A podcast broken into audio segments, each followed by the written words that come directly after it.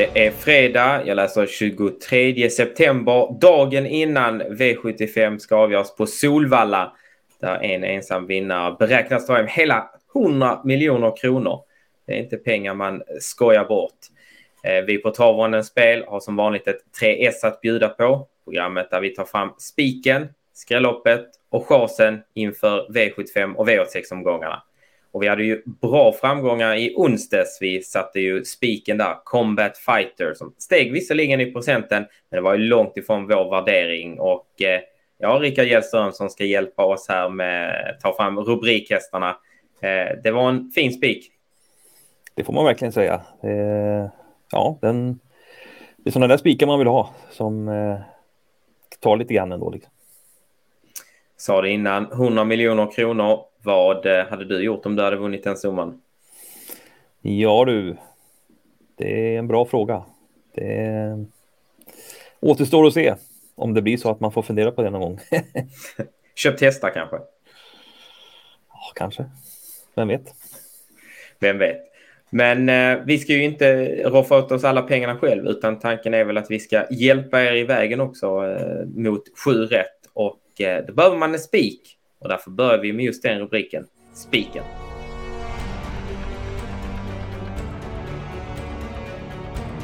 Spiken denna lördagen, den är kanske inte lika rolig procentmässigt som vi bjöd på i onsdags, men eh, det viktigaste är ju att den vinner. Vilken har vi utnämnt som spiken i omgången, Rickard? Mm, det blir i V75 3. Det är nummer fyra, Hail Mary, som ju är stor favorit i loppet, men eh, ja, det tycker vi också att han ska vara och det är ju som sagt mycket pengar att spela om. Vi får helt enkelt leta skräll i annat lopp. Eh, hästen har ju levererat i de flesta starterna för Daniel Redén där han slutade ju sexa en gång, men då satt han ju fast i Eskilstuna där i ett V86-lopp. Men då hade han innerspår. Eh, nu ska han inte behöva bli fast den här gången när han har ett fjärde spår bakom startbilen. Eh, ja, vi såg ju senast där när han hade innerspår så lyckades Örjan ta sig ut den gången och eh, köra till ledningen efter första sväng och sen vann han ju väldigt lätt. Eh, det finns ju snabba hästar på insidan. Missile Hill och Clickbait bland annat. Men eh, båda de kan nog eh, mycket väl tänka sig att släppa till Hail Mary och ta hans rygg den här gången. Eh, om så är fallet. Sen är ju Hail Mary inte beroende av ledningen för att vinna. Han är ju en tuffing också som tål att göra jobb och gå bakifrån, men eh, eh, nog ser det ändå ut som att han skulle kunna komma till ledningen här och att han ska förlora därifrån. Det blir mycket svårt att se. 61 procent är när vi spelar in. Eh, känns det korrekt? Ja, men det är väl en bra, runt 60 procent, 65 kanske han kan gå upp till också, men runt det där är, är väl en bra segerchansbedömning. Va? Ja, det, det var inte så mycket mer och orda om helt enkelt. Vi bankar in spiken, fyra Hail Mary och eh, går vidare till nästa rubrik och det är skrälloppet.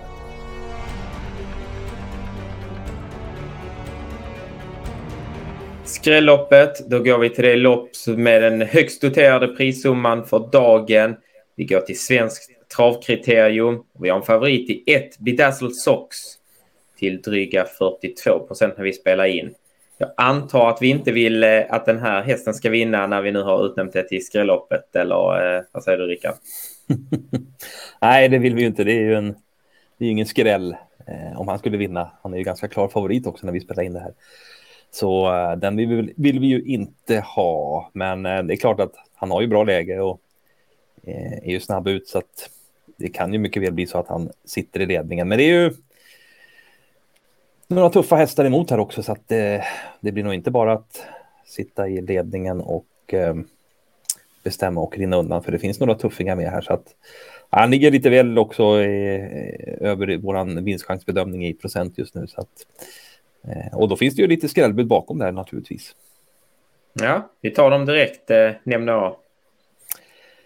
Ja, vi har nummer sex Greensboro Set som vi har eh, Eh, Eh, satt i lite högre vinstchansbedömning än de 7 procent han är på just nu.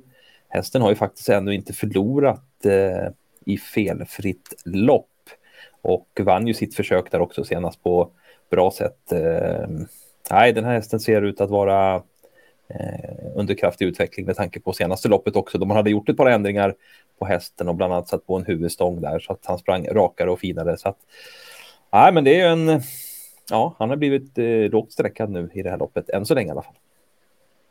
Kan det ha någonting att göra med att han är bortvald så att säga av Örjan Kihlström? Det är väl troligt att det kan vara så, eh, såklart. Men Claes Sjöström är ju en eh, riktigt vass kusk så att eh, det är ingen dålig ersättare. Han har vunnit sina lopp på Solvalla förut. ja, jo, exakt så är det ju. Så att, och han får ju allt mer rutin också. Han har kört en del storlopp, storlopp här nu senaste åren. Så att, mm, så är det. Ska vi bjuda på en till? Det tycker jag vi kan göra. Det är ju en ännu större skräll i nuläget då, eftersom den bara är på 3% just nu. Det är 10 Monastery Boko som ju eh, duktige Paul Hagort eh, kommer med från Holland och eh, ja, denna hästen spurtade ju riktigt vasst där efter positionsstrul i sitt försök där Ante Larocque eh, ledde runt om. Men eh, det var bra tryck till slut i Monastery Boko som ju blir Eh, väldigt bortglömd som det ser ut just nu här på V75-spelet. Mm. Ja, men roliga, roliga drag att lyfta fram här och vinner någon av dem så får väl säga utdelningen skjuts uppåt. Med, eh, exakt. Med det så går vi då till den sista rubriken och det är väl kanske den läskigaste här, omgångens chans.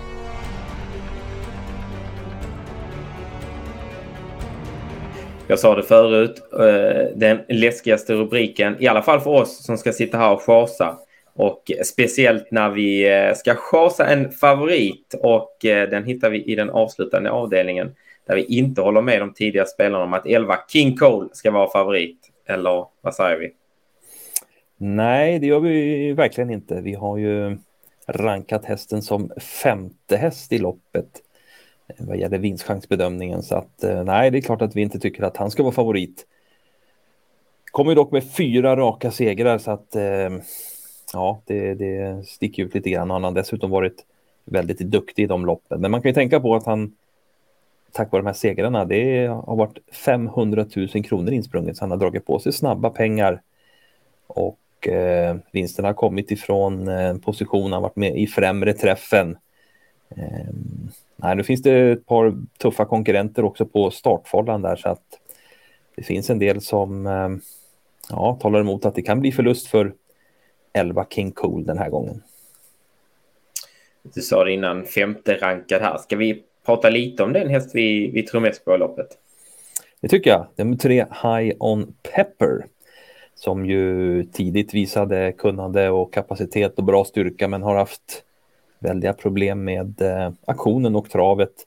Men den senaste tiden här så ser det allt bättre ut och eh, ja, näst senast svarade han ju för en riktigt fin prestation när han drog på stenhårt i ledningen och vann lätt. Sen var han ute i V75 i lördags på Färjestad och gjorde ju ett väldigt tappert lopp utvändigt om Ruger och var ju väldigt knappt slagen där och framförallt så ser han ju fortsatt bättre ut aktionsmässigt.